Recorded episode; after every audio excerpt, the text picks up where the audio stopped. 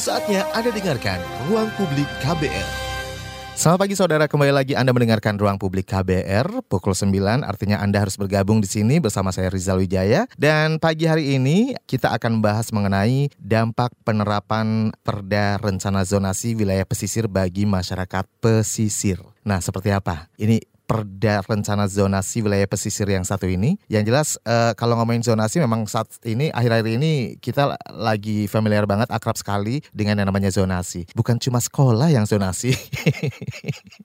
Tapi juga pesisir ternyata juga zonasi ya. Berbicara soal zonasi pesisir, 21 provinsi telah menetapkan peraturan daerah rencana zonasi wilayah pesisir dan pulau-pulau kecil. Pemerintah mengatakan perda ini akan menentukan arah penggunaan sumber daya tiap tiap-tiap satuan perencanaan disertai dengan penetapan alokasi ruang pada kawasan perencanaan yang memuat kegiatan yang boleh dilakukan dan tidak boleh dilakukan. Tapi sejumlah kelompok masyarakat sipil menuding perda ini telah dan tengah merampas ruang masyarakat pesisir yang hidupnya sangat bergantung pada sumber daya kelautan dan juga perikanan. Dan mereka juga akan membuka posko pengaduan masyarakat yang terdampak peraturan daerah ini. Nah, seperti apa Perda R2W P3K ini mempengaruhi kehidupan masyarakat dan apa dampaknya bagi mereka? Ancamannya seperti apa seperti itu ya? Telah hadir di studio kami di ruang publik KBR pagi hari ini kita akan kenalkan dulu ada Mbak Susan Herawati merupakan Sekjen Kiara Koalisi Rakyat untuk Keadilan Perikanan. Baiklah dan uh, Mbak Susan, ya. ini mengenai perda yang satu ini sudah 21 provinsi di Indonesia sudah menetapkan peraturan daerah rencana zonasi wilayah pesisir dan pulau-pulau kecil ya. Hmm. Sementara 13 lainnya masih tengah dalam proses. Yeah. Nah, secara singkat boleh dong diceritakan terlebih dahulu apa sih yang menjadi dasar munculnya perda ini dan menurut Kiara sendiri nih apa pentingnya keberadaan perda ini? Pertama kalau merunut sejarah ini agak berat nih pagi-pagi ngomongin ini nih.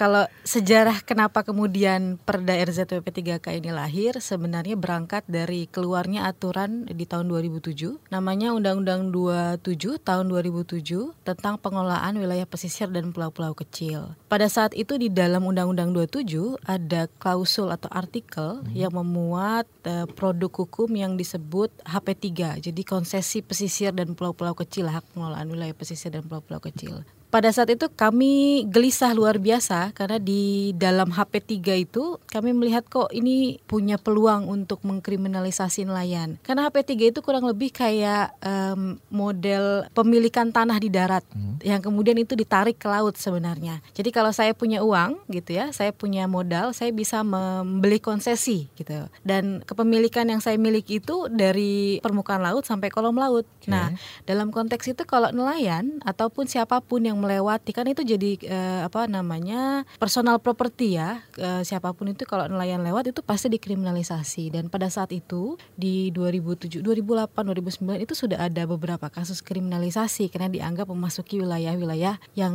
uh, dinilai sebagai property uh, right gitu pemilikan perorangan lah gitu okay. perusahaan. Asal punya duit ya. Iya asal Bisa punya duit. beli. nah ngerinya lagi di HP3 ini kan dia kemudian ada sertifikat nih. Bayangin laut itu di sertifikat gitu loh Terus sudah gitu uh, kepemilikan konsesinya total akumulatif itu sekitar 60 tahun. Jadi laut itu ya habislah bayangan kita ya pada saat itu karena juga kasus kriminalisasinya uh, terus berjalan. Kami uh, di 2010 melakukan gugatan bersama hmm. koalisi tolak HP3.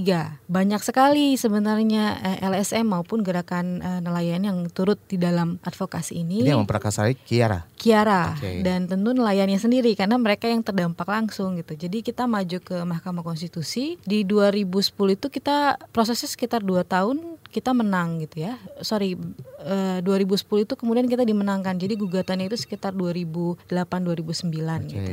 Kita menang dan pada saat itu Mahkamah Konstitusi dipimpin oleh Bapak Mahfud. Mahfud MD. Bapak Mahfud MD mengakui empat hak konstitusional masyarakat pesisir, masyarakat bahari, hak melintas, hak mengelola gitu ya, hak untuk mendapatkan perairan yang bersih. Dan uh, di dalam putusan MK itu sendiri uh, HP 3-nya dibatalkan. Sayangnya di 2013 itu sudah ada apa namanya semangat dari DPR untuk merevisi hmm. Undang-Undang 27. Nah, ini yang kemudian berubah dari hak menguasai negara bergeser jadi hak kepengelolaan. Di dalam revisi Undang-Undang 1, kemudian direvisi tahun uh, jadi Undang-Undang 1 tahun 2014. Di situ ada mandat yang disebut rencana zonasi wilayah pesisir dan pulau-pulau kecil. Baik. Nah, berdasarkan itu gitu sebenarnya. 2013 ya? 2014. Eh, 14. Diketuknya. Okay. Jadi prosesnya cukup lama. 2013 Baik. juga kita uh, mengatakan bahwa uh, ini agak bahaya juga gitu ya karena hak menguasai negara berubah jadi hak kepengelola hak pengelolaan gitu. Hmm.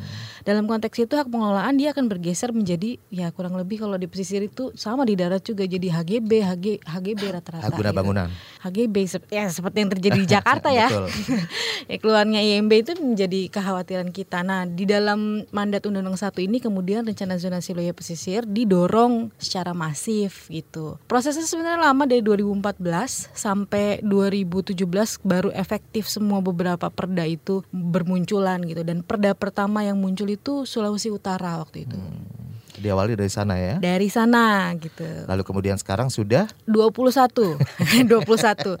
Sebenarnya gini kan kalau uh, semangat dari RZWP 3K ini kan uh, mencoba untuk menyelesaikan uh, konflik ruang ya uh, yang terjadi antara nelayan kemudian dengan uh, taruhlah para pihak ya investor kalau bahasa Betul. hari ini gitu ya. Tapi pada saat bersamaan kita melihat ini kok jadi semakin berat sebelah gitu ya. Karena dari ada ketidakadilan di sana. Betul, dan itu kelihatan banget dari kita nelayan itu kan dia agak sedikit khas ya. Kalau melaut eh, dia nggak bisa diprediksi sejauh Betul. mana. Nelayan bajo itu nggak bisa dibilang cuma 4 mil gitu. Dan gak mereka bisa. yang paling tahu, yang mereka paling yang paling tahu gitu ukurannya sampai mana gitu. Dan eh, dan mereka itu kan rata-rata eh, melaut untuk memenuhi kebutuhan mereka gitu ya, ataupun sekali-sekali dijual gitu. Tapi di dalam 21 RZWP 3K yang sudah hadir, kok kami melihat eh, uh, banyak permasalahan gitu dan 13 yang masih berjalan termasuk hmm. Jakarta loh. Itu adalah daerah daerah-daerah yang lawan uh, perlawanannya kenceng gitu. Okay.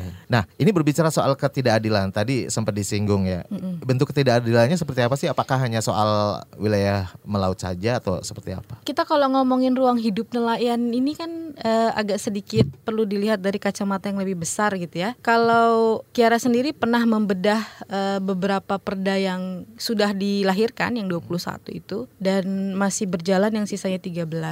13 ada juga yang udah kita bedah. Misalkan di Perda Zonasi Provinsi Lampung ya, nomor 1 tahun 2018. Kalau kita melihat eh, apa namanya peruntukan ruangnya paling banyak itu memang e, zona wisata hmm. gitu ya. Dan itu macam-macam zona wisata alam bentang laut bawah laut pantai. Kemudian di dalam perda itu juga ada zona pertambangan yang mencapai 12.000 hektar. Kemudian ada zona industri itu biasanya untuk pelabuhan okay. itu 2.500 hektar. Tapi pemukiman nelayan itu cuma 11 hektar saja. Jadi timpangnya ini salah satu contoh di Lampung ya. Di Lampung. Belum daerah-daerah lain. belum yang lain Baik tahan dulu, ya, Mbak. Siap. Tahan, saya juga jadi ikut emosi nanti. Kita akan tersambung dengan Pak Ali di Manado. Siap. Selamat pagi Pak Ali. Selamat uh, pagi Mas Risa dan selamat pagi Mbak Susan dari Kiara. Iya, selamat silakan. pagi. Saya mau mengajukan beberapa pernyataan dan pertanyaan minta maaf. Pertama, saya malu tentang perda yang dibagikan oleh Sulawesi Utara ya. Iya. Saya malu, saya malu sebagai warga Kota Manado. Saya menyampaikan data saja Mbak ya. Iya. Saya sekaligus bertanya pertama, data dari Asosiasi Nelayan Tradisional di Kota Manado, sejak dilakukan eh, reklamasi besar-besaran di Teluk Manado, dari sekitar 55 ribu eh, nelayan tradisional, sekarang menyusut tinggal 8 ribu sampai 9 ribu orang saja Mbak. Uh, kasihan Mbak, karena mereka tidak ada lagi tempat untuk menambatkan perahu tradisional mereka. Kedua dari HP3 ini, mereka dilarang untuk dekat dengan proyek reklamasi, mereka bisa dikriminalisasi dan mereka dibatasi 4 mil laut, sedangkan ini mengurangi penangkapan ikan mereka. Kasihan Mbak, makanya harga ikan di Manado yang tadinya biasa sebelum ada perda ini 1000 sampai 2000 per ekor, sekarang meningkat 5000 sampai 10000 bahkan ada dari 10000 dia naik menjadi puluhan ribu lagi. Dan ini menyulitkan kami dan juga nelayan tradisional. Pertanyaannya, kenapa posisi negara ini di mana? Eh, apa kalau di Manado, Mbak, eh, yeah. tata ruangnya sudah diubah menjadi tata uang, Mbak?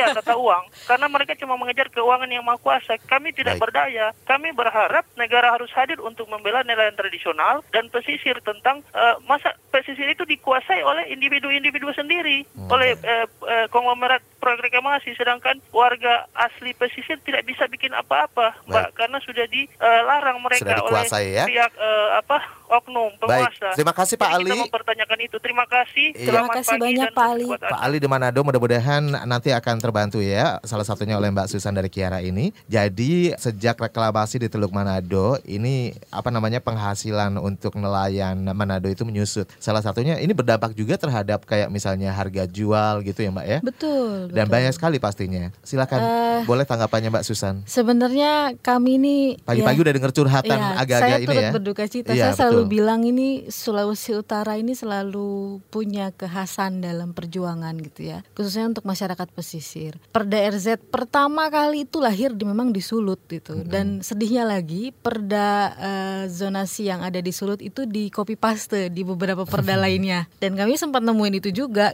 untuk menyusun kebijakan copy paste gitu loh. Eh dalam pada itu memang Pak Ali betul sekali dalam perda RZWP 3K-nya Sulut itu rata-rata memang untuk reklamasi eh, peruntukan ruangnya. Di sisi lain juga ada wisata dan yang hari ini paling jadi primadona di Sulut itu ya kawasan ekonomi khususnya. Di dalamnya itu ada pariwisata Betul. gitu dan ini yang menjadi eh, catatan penting. Dampaknya seperti apa memang eh, tentu ini yang kita kita masih perjuangkan gitu ya. Kami juga mendampingi kawan-kawan di Manado Sulut karena kami punya anggota di sana namanya Kelola Baik. dan eh, Antra gitu ya untuk asosiasi nelayannya. Dan salah satu yang kami perjuangkan ada satu tempat pemukiman warga itu eh, dia ada 32 kakak, jalannya sudah ditutup, depannya itu tiba-tiba lautnya keluar HGB di laut loh udah ada HGB gitu. Kami terus berlawan gitu sampai kemudian mereka menghadapi ya kalau udah ketemu ngelihat senjata itu udah biasa buat mereka Oke.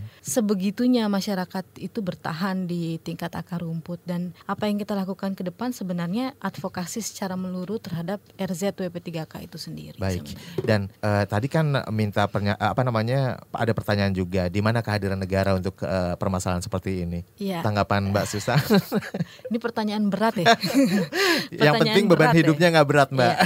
Karena eh, sebenarnya kan eh, negara ini harusnya hadir ya di dalam rencana zonasi. Maksudnya ketika Bapak Mahfud lewat MK-nya ini membatalkan HP3, kan spirit kita untuk kembali eh, mengembalikan Indonesia sebagai bangsa bahari itu sudah diletakkan gitu ya. Oke. Terus kemudian bagaimana kita ini gitu ya, para penerusnya mau mengartikulasi gerakan ke depan. Sayangnya memang hari ini memang yang yang nyatanya yang terjadi mau tidak mau kita akui Pak Ali itu betul gitu. Siapa yang punya kapital besar, punya modal besar maka dia yang menguasai gitu ya survivor of the fittest, Sehingga gitu. eh, ketidakadilan ini yang dirasakan oleh salah satunya Pak Ali. Iya. Padahal masih banyak ribuan yang lainnya. Iya, Baik. masalahnya dalam perumusan kebijakannya juga saya yakin se- seperti Pak Ali ini tidak dilibatkan. Organisasi nelayan juga tidak dilibatkan secara secara menyeluruh ya. Paling kalau mereka dilibatkan itu kalau diskusi publiknya doang dan itu sudah ada perdanya gitu. Hmm. Iya.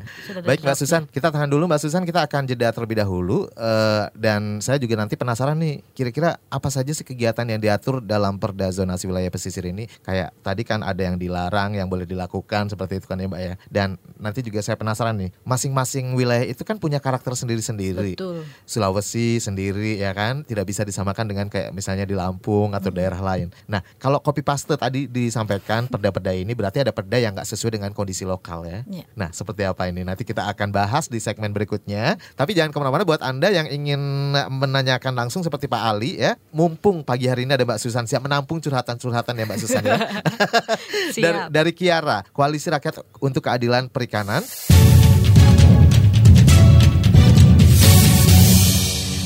Masih bersama saya Rizal dan hingga pukul 10 nanti Anda masih mendengarkan Ruang Publik KBR. Saya juga tidak sendirian karena pagi hari ini saya bersama Mbak Susan Herawati selaku Sekjen Kiara Koalisi Rakyat untuk Keadilan Perikanan. Jadi Mbak Susan ini juga membantu memberikan solusi ya untuk masyarakat ya kan menjembatani minimal ya kan dan mengawal tentunya. Nah tadi di segmen pertama sempat jeda gitu ya. Ini kegiatan diatur dalam eh, Perda zonasi wilayah pesisir ini seperti apa sih Mbak apa saja? Masyarakat itu hanya boleh ngapain, sementara industri bagiannya seperti apa ya kan? Dan satu lagi tadi kan eh, disinggung mengenai copy paste perda-perda ini di beberapa wilayah bukan hanya di Sulawesi ya kan? Berarti berarti ada perda yang nggak sesuai dengan kondisi lokal. Karena masing-masing kondisi lokal daerah itu kan berbeda-beda. Ini seperti apa penjelasannya? Sebenarnya kalau di dalam perda ini uh, yang terpenting adalah melihat peta peruntukan ruangnya gitu okay. ya. Kalau peta peruntukan ruangnya memang ada beberapa uh, pemerintah provinsi yang dia cenderung menggunakan konsultan. Nah, konsultan ini agak sedikit apa namanya bikin deg-degan gitu ya, hmm. karena tentu dia tidak belum berangkat dari kebutuhan nelayan gitu dan syarat dengan kepentingan-kepentingan tertentu. Misalkan di Kalimantan Timur yang hmm. baru banget, kita satu bulan lalu kita mengikuti diskusi publiknya, di situ terlihat uh, bagaimana konsultan ini tidak meng mengerti kebutuhan nelayan gitu ya. Ketika nelayan menyampaikan eh, apa namanya keluhan mereka terkait dengan wilayah alur mereka yang kemudian harus berhadapan dengan kapal-kapal tongkang dari tambang batu bara, konsultannya mengatakan bahwa ya kalau ketabrak ya sudah takdir. Dalam konteks itu kan sebenarnya rencana zonasi kan spiritnya adalah mengatur itu gitu ya, bukan serta merta bahwa ya lu takdir meninggal gitu. Jawabannya gampang banget ya. Iya, artinya memang me melecehkan sekali gitu dan kita menyayangkan gitu ya. Itu disampaikan di depan publik kemudian itu di depan nelayan. Okay. tentu kalau melihat ini setiap peta peruntukan itu berbeda. Cuman memang ada beberapa peta di dalam Perda RZWP 3K yang sampai hari ini kita belum dapat barangnya. Hmm. seperti Sumatera Utara kemudian Sulawesi Tenggara itu kami belum punya petanya. Bahkan kalau dilihat di dalam website resminya juga memang belum keluar. Baik. jadi bagaimana kita bisa melihat peruntukan ruang kalau kemudian data itu juga tidak terbuka gitu sebenarnya uh, tantangan lainnya ketika ini kan yang yang harus kita benahi ya dalam konteks memahami bagaimana masyarakat uh, dilibatkan dalam penyusunan kebijakan. Sayangnya apa namanya yang dimaksud oleh negara membantu uh, enggak membantu ya terlibat dalam penyusunan itu hanya sekedar datang ketika di dalam diskusi publik gitu. Okay. Kan esensinya beda mas. Kalau misalkan dia dilibatkan sedari awal tidak tiba-tiba ujuk-ujuk datang dengan draft perda gitu. Hmm Contoh di Jawa Tengah, kawan-kawan kami ini datang ke diskusi publiknya eh, untuk RZWP 3K Jawa Tengah. Nelayan dikasih sekitar 2 3 hari undangannya sebelum acara eh, ada berlangsung. gitu ya, berlangsung. Kemudian draft perdanya dikirim lewat email. Udah, udah jadi bentuknya ya? Sudah ada draftnya. Mm -hmm. Kemudian nelayan cuma punya waktu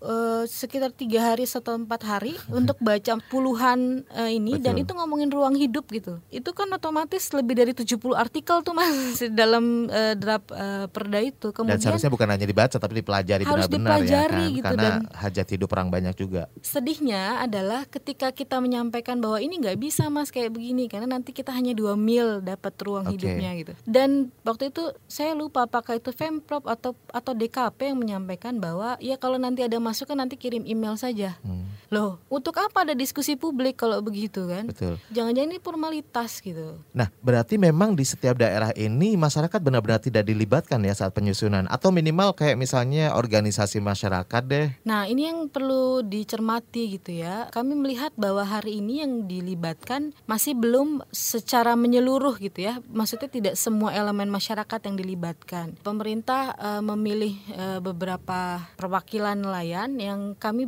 melihat bahwa ini syarat dengan kepentingan ya. Hmm. Dan Kiara sebenarnya juga baru dilibatkan beberapa satu bulan terakhir ketika kita mengeluarkan kritik cukup keras gitu ya itu baru kemudian datang tuh semuanya RZ apa namanya diskusi RZ Sunda Maluku hmm. gitu ya itu baru berdatangan tapi sebelumnya memang tidak ada partisipasi publiknya tapi di luar dari partisipasi publik sebenarnya yang kita pertanyakan adalah peruntukan ruang yang kok jadi berat ke investasi gitu ya okay. karena ini sejalan dengan eh, apa namanya mantranya Pak Jokowi ya kerja kerja kerja atau investasi investasi ya itu sejalan dengan itu itu jadi agak sedikit agak sedikit jelimet tapi terlepas dari apa pun kan ini udah selesai pilpres kan Betul. kami mengkritik kritik bahwa siapa pun yang e, memimpin seharusnya bisa melihat nelayan ini bukan bukan sebagai e, masyarakat kelas nomor sekian tapi memang mereka harus dijadikan sebagai jantungnya gitu ya jantungnya negara ini. Identitasnya negara bahari kok Betul. tapi masa nelayannya aja tadi kata Pak Ali sudah berkurang jauh gitu loh. Ini kan jadi pertanyaan besar menyusut gitu ya. Nah ini Mbak dalam perda zonasi ini peruntukan wilayah yang diatur untuk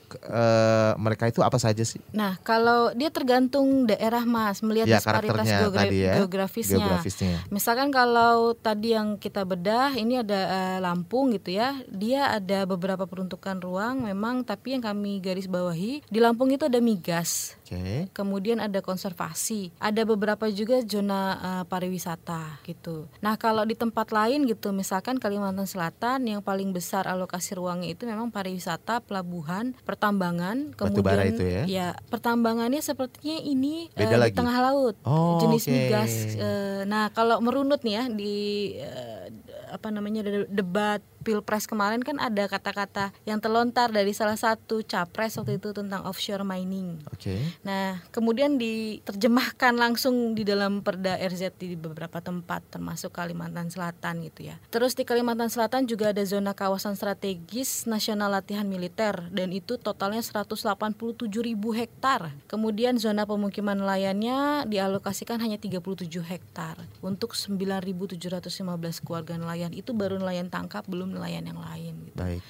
Gitu. Jadi tergantung eh, ininya ya Mas, daerah-daerahnya. Termasuk kalau Gorontalo itu dia paling besar adalah pelabuhan. Kalau Kalimantan rata-rata pelabuhannya besar karena dia akan menjadi pintu masuk dan pintu keluarnya eh, apa namanya komoditi eh, seperti batu bara maupun sawit yang ada di darat. Nah, gitu. Jadi itu melihat eh, RZWP3K ini sendiri gitu. Baik. Nah, kalau masyarakat pemanfaatan layanannya untuk apa saja, Mbak? Hanya mm, untuk melaut kah atau misalnya kalau perdagangan dan usaha gitu ya, misalnya buka-buka warung kecil karena kan di situ akan ada pariwisata misalnya. Nah, itu seperti apa? Nah, ini kan yang kita pertanyakan. Kalau di RZWP 3K yang ada itu adalah zona tangkap. Oke. Ada zona budidaya, eh, budidaya baik itu yang di tengah laut pun maupun ini. Jadi kalau RZW, eh, RZWP 3K itu kan eh, dihitung dari 0 mil gitu ya sampai ke tengah laut se- 12 milan gitu. Itu yang diatur di dalam RZWP 3K. Nah, kalau di dalam peruntukannya masih soal itu gitu. Yang kami garis bawahi lebih banyak sebenarnya pemukiman dan zona tangkapnya. Hmm. Kalau melihat nggak usah jauh-jauh deh mas, nih dalam masa pembahasan draft Perda RZWP 3K Jakarta nih, yang lagi ribut juga soal reklamasi. Betul. Eh, di dalam draft Perda RZWP 3K Jakarta tidak ada pemukiman nelayan, nol. pada ke mana ya? Itu dia.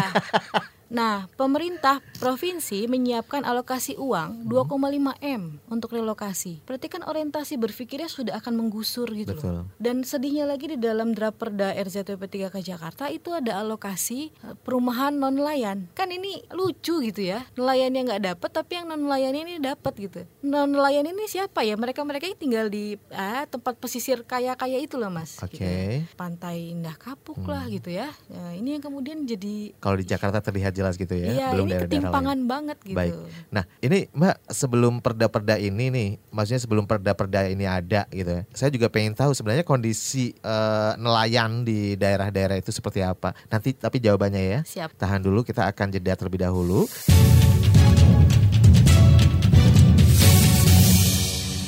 Ya, kita sampai saat ini masih membahas mengenai dampak penerapan Perda Rencana Zonasi Wilayah Pesisir bagi masyarakat pesisir. Kalau dijelasin dari eh, segmen pertama, segmen kedua, kalau Anda mendengarkan banyak sekali ya yang apa namanya kalau kita dengar gitu dari penjelasan dari Mbak Susan, Mbak Susan Herawati, Sekjen Kiara Koalisi Rakyat untuk Keadilan Perikanan. Ini kita jadi semakin melek.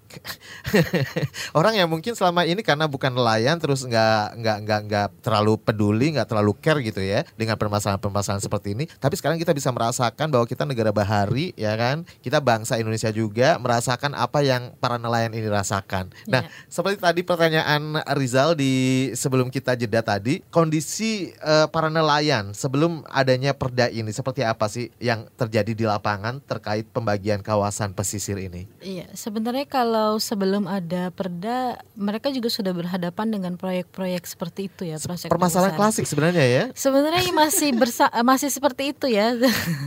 Tapi kalau sekarang sebenarnya kalau dilihat dari eh, catatan kami, proyek-proyek itu memang setiap tahunnya meningkat gitu. Kalau di tahun 2017 gitu ya, ada sekitar 30 30 lebih proyek reklamasi, di 2018 itu ada 41 titik reklamasi itu. Eh, izin-izin tambang di pesisir juga keluarnya masif gitu. Tapi memang eh, berbedanya kan kalau di dalam rencana zonasi ini seakan-akan legal gitu. Ada legal standingnya lah gitu. Betul.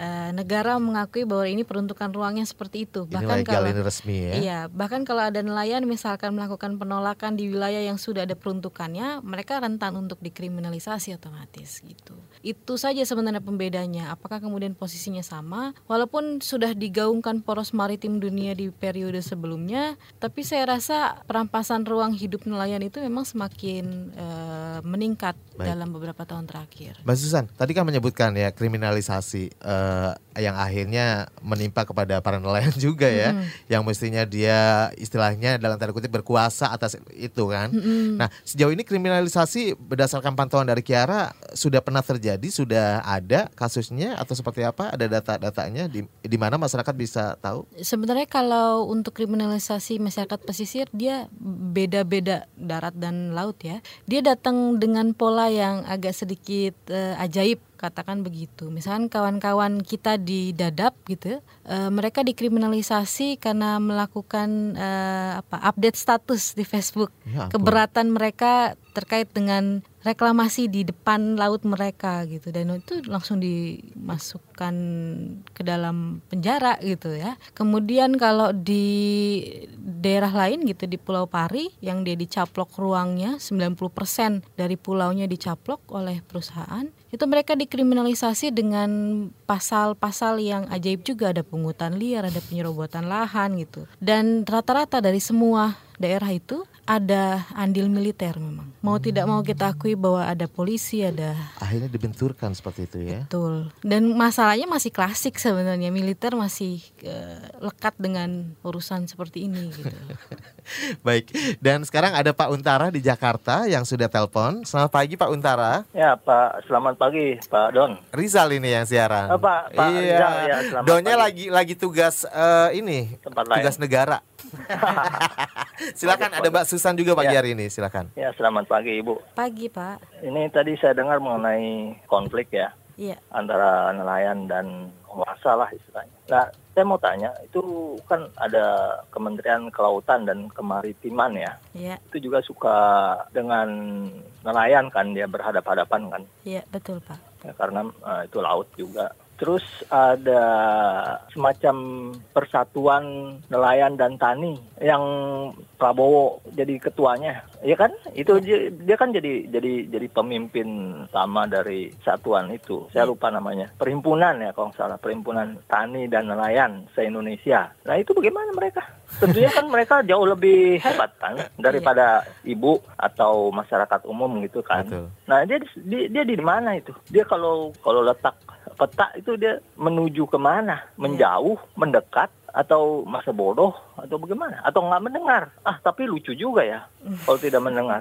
Kan dia mestinya sumbernya banyak. Dia kan punya tangan kaki tangan tuh uh, di mana mana lah istilahnya nah itu tentunya dia tahu masalah itu nah itu dia bagaimana itu kok nggak ada nggak ada ini apa gitu reaksi apa pun iya. dari terang kedua gitu ya ya nggak ada nggak ada reaksi pak betul pak Rifat Rizal itu eh, nggak ada kan nggak dengar apa-apa kan nah, makanya baik. jadi itu bagaimana jadi kan mestinya dia kan suatu yang kekuatan yang luar biasa kan. Betul. Pak Untara ibu ibu ke sana coba. Ya. Terima kasih sebelumnya. Siap, Pak. Ya, terima kasih ya, Pak Untara di Jakarta. Terima kasih banyak, Pak. Luar biasa loh Pak Untara ini ya. Dan uh, jadi konflik antara nelayan dengan penguasa. Ini masalah klasik juga kan. Silakan gimana? Pertama kalau dalam konteks uh, di mana negara baik itu kalau lihat dari sudut pandang posisi KKP dan Kemenko Maritim, ini yang sebenarnya dirindukan ya oleh nelayan gitu ya. Karena perlu diingat KKP hadir itu karena mayoritas masih banyak orang yang eh, bernelayan. Artinya KKP adalah rumah sebenarnya bagi nelayan. Tapi sayangnya di dalam tempat RZ, berlindung ya. Iya, rumah lah iya tempat berlindung dan Ibu Susi itu ya seperti orang tua lah buat mereka Betul. gitu.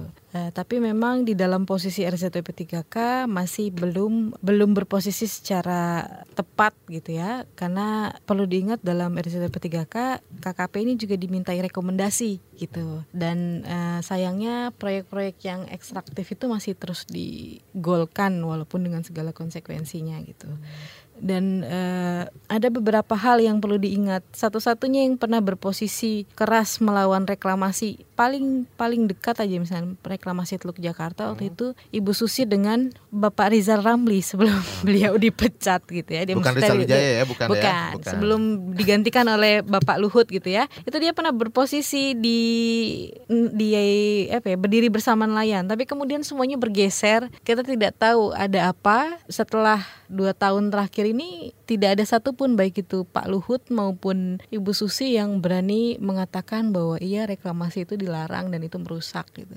Padahal sebenarnya dalam konteks kedaulatan yang hari ini sedang didorong oleh Ibu Susi gitu ya dengan upaya dia yang luar biasa mengusir kapal-kapal asing dari laut kita, jangan sampai kemudian yang mencuri dari luar negeri itu diusir tapi yang mencuri di dalam dari pinggiran juga dibiarkan gitu. Ini kan jadinya ironi gitu. Kemudian di mana posisi-posisi politik seperti Pak Prabowo gitu ya dan beberapa organisasi lainnya Yang dibilang katanya kekuatan padahal udah super Iya. Eh, ini yang ya saya tidak tahu juga di mana ya Pak ya. Satu-satunya yang pernah dipakai oleh ya ini kan agak sedikit jelimet juga karena isu-isu strategis seperti ini, isu-isu konflik itu acap kali digunakan untuk kebutuhan politik segelintir orang. Contoh lah untuk pilgubnya Jakarta gitu ya, isu reklamasi dipakai untuk menaikkan salah satu paslon gitu dan menurunkan paslon yang lain gitu untuk isu reklamasi. Ini yang kemudian agak sedikit jelimet. Kalau nelayannya sendiri sebenarnya berposisi bahwa ya sudahlah kita ini yang berhadapan langsung loh dengan perampasan ruang, jangan jadikan kami sebagai komoditi politik Oke. segelintir orang. Tapi sebenarnya ini udah di maksudnya udah dipantau ya oleh Kiara sendiri ya. Iya, Untuk sebenarnya permasalahan yang seperti diutarakan oleh Pak Untara tadi di Jakarta Iya. ya. Kami eh, ketika ada permasalahan ya bukan permasalahan ya ketika dua-duanya masih menjadi capres gitu Hmm. ya kita sudah memberikan pandangan bagaimana sih visi bahari yang seharusnya dimiliki oleh pemimpin negara ini ke Oke. depan gitu. Jadi eh, Mbak Susan masih sering main-main juga ke sana kan maksudnya? Enggak juga Seperti- sih, Pak.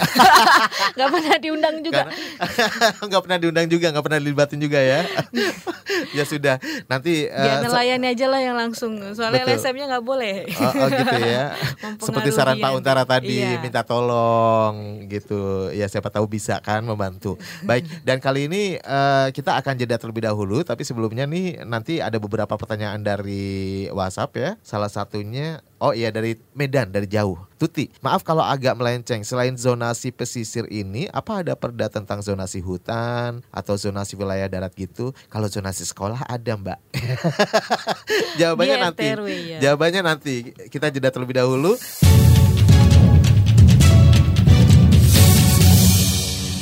Tidak terasa ya sudah hampir satu jam dan ini sudah masuk segmen terakhir. Saya masih bersama Mbak Susan Herawati, Sekjen Kiara Koalisi Rakyat untuk Keadilan Perikanan. Ingat bersama saya Rizal Wijaya hingga pukul 10 saja. Dan eh, tadi sebelum kita jeda sudah saya bacakan SMS dan juga WhatsApp yang sudah masuk di 0812 118 8181 dari Mbak. Iya benar Tuti di Medan. Maaf kalau agak melenceng selain zonasi pesisir ini apa ada perda tentang zonasi hutan atau zonasi wilayah darat gitu. Tapi sebelumnya dari tadi kan kita sudah ngomongin masyarakat pesisir, masyarakat pesisir. Yang disebut dengan masyarakat pesisir itu siapa sih Mbak? Apakah hanya nelayan saja atau yang tinggal di radius berapa meter atau seperti apa? Kalau kami sebenarnya menyebut eh, masyarakat pesisir itu bukan cuma nelayan, tapi dia ada perempuan nelayan gitu ya, petambak udang eh, ataupun petambak ikan, petambak garam, kemudian masyarakat ada di pesisir, eh, ada pelestari ekosistem pesisir juga ya, yang melakukan penyelamatan mangrove gitu ya. Tapi dalam pada itu sebenarnya yang bisa disebut masyarakat pesisir itu mereka yang memang masuk di dalam rantai produksi perikanan gitu ya, dan dia tinggal di pesisir gitu Oke. Tentu di kalau dihitung radius eh, agak sedikit jelimet juga karena memang dia punya tipologi sendiri kalau masyarakat pesisir itu. Jadi Betul. jangan merasa tersempitkan dengan dengan kata-kata masyarakat pesisir harus nelayan nggak juga gitu. Saya selalu bilang kok saya masyarakat pesisir gitu karena eh, bagi saya ya identitas saya adalah nenek moyang saya ya pelaut gitu. Betul ya. Iya dan menurut saya itu cakupannya besar gitu ya, nggak cuman eh, Jadi tidak dibatasi oleh jarak ya. tidak, tidak bisa soalnya biar bagaimanapun kita punya sejarah itu kok. Betul. Gitu. Baik. Dan tadi pertanyaan Mbak Tuti di Medan ya.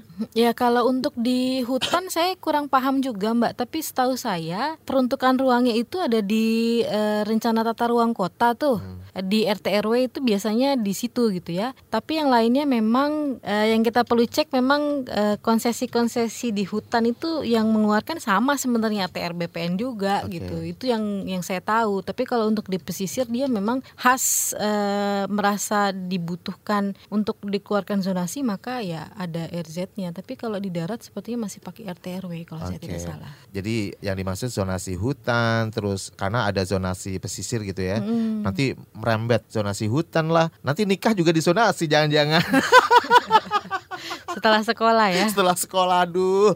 Dan sekarang ada juga dari Umi di Padang. Oh Uni Umi, saya baru gabung nih. Baik nggak apa-apa. Mohon informasinya ya. Yang masuk wilayah pesisir itu ada aturannya tidak misalnya berapa meter ke darat, kemudian berapa meter ke laut. Ada hitung-hitungannya nggak maksudnya? Kalau nah beda pesisir sama laut kan kalau pesisir itu yang ada di pinggir pantai ya rata-rata gitu ya. Pertama kalau pesisir kita tidak pakai radius yang diatur dalam rencana zonasi itu dari 0 sampai 12 mil Nah, gitu. 0 dari pesisir sampai 12 mil ke depan itu diatur di dalam rencana zonasi. Baik. Kalau udah laut lepas itu masuk di aturannya agak sedikit berbeda itu, tapi yang diatur dalam rencana zonasi itu. Oke, berikutnya dari Kalimantan, dari Anwar, kalau ada pembatasan wilayah laut, mana yang boleh untuk masyarakat, mana untuk pengusaha, berarti ada laut-laut yang nggak boleh dilewati oleh masyarakat. Kalau melanggar, ada sanksinya Iya, dong. iya, itu dia. Kalau dia misalkan eh, di di Kalimantan itu dia ada offshore mining. Kalau dia melewati garis batas eh, perusahaan itu biasanya diusir sih, diusir oleh ada security biasanya gitu. Dan ini yang kemudian kita lawan gitu. Namanya laut, nelayan itu punya akses yang cukup besar harusnya gitu. iya. Kan nggak ada yang bisa diprediksi kalau Iya. kapalnya rusak atau perahunya rusak, dia harus sandar atau dia harus menepi kan nggak bisa Cuman yang patroli mungkin itu, lebih gitu. ketat, lebih banyak. Iya dan biasanya juga ada yang pakai senjata juga gitu. Nah, itu itu agak dia. serem gitu.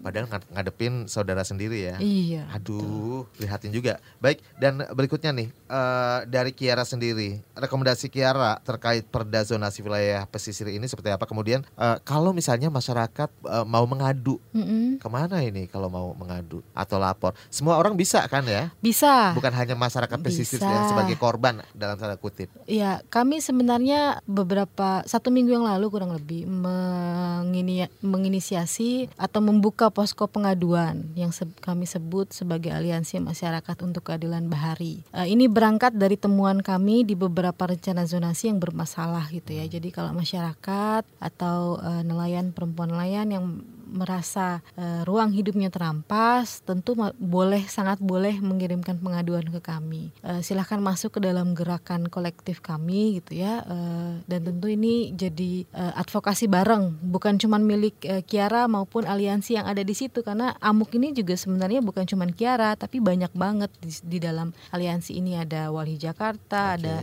eh, HCS, ada Kruha dan banyak sekali eh, yang masuk di dalam eh, Amuk ini dan tentu kami mengundang siapa pun yang terdampak betul terhadap eh, rencana zonasi ini untuk mengirimkan pengaduan bisa ke website kami di double di www.kiara.org.id gitu ya atau bisa cari di Facebooknya Kiara gitu di fanpage-nya Search aja Kiara pasti Iya, nongol ya. ada pasti terus di Instagram juga ada di Twitter juga ada gitu. Sejauh ini sudah ada pengaduan, bentuknya seperti apa? Kalau hari ini paling banyak dari Jakarta sebenarnya, Oke. dari Pulau Pari, Dadap, Angke. Masih soal reklamasi ya. Eh, kalau di Pulau Pari itu privatisasi pulau, Mas. Oh, Privatisasi pulau, kemudian Dadap itu yang reklamasi dan ada kriminalisasi yang nelayan dikriminalisasi gara-gara ITE, Hah? undang-undang pakai undang-undang ITE. Angke ya reklamasi. Kemudian dari Banten eh, di Pulau Sangyang eh, privatisasi pulau juga. aduh penasaran nih privatisasi pulau ya. Tapi Wah. waktunya terbatas banget Ini sayang harus ada sekali. sesi khusus karena di Iya. Jakarta itu dari 110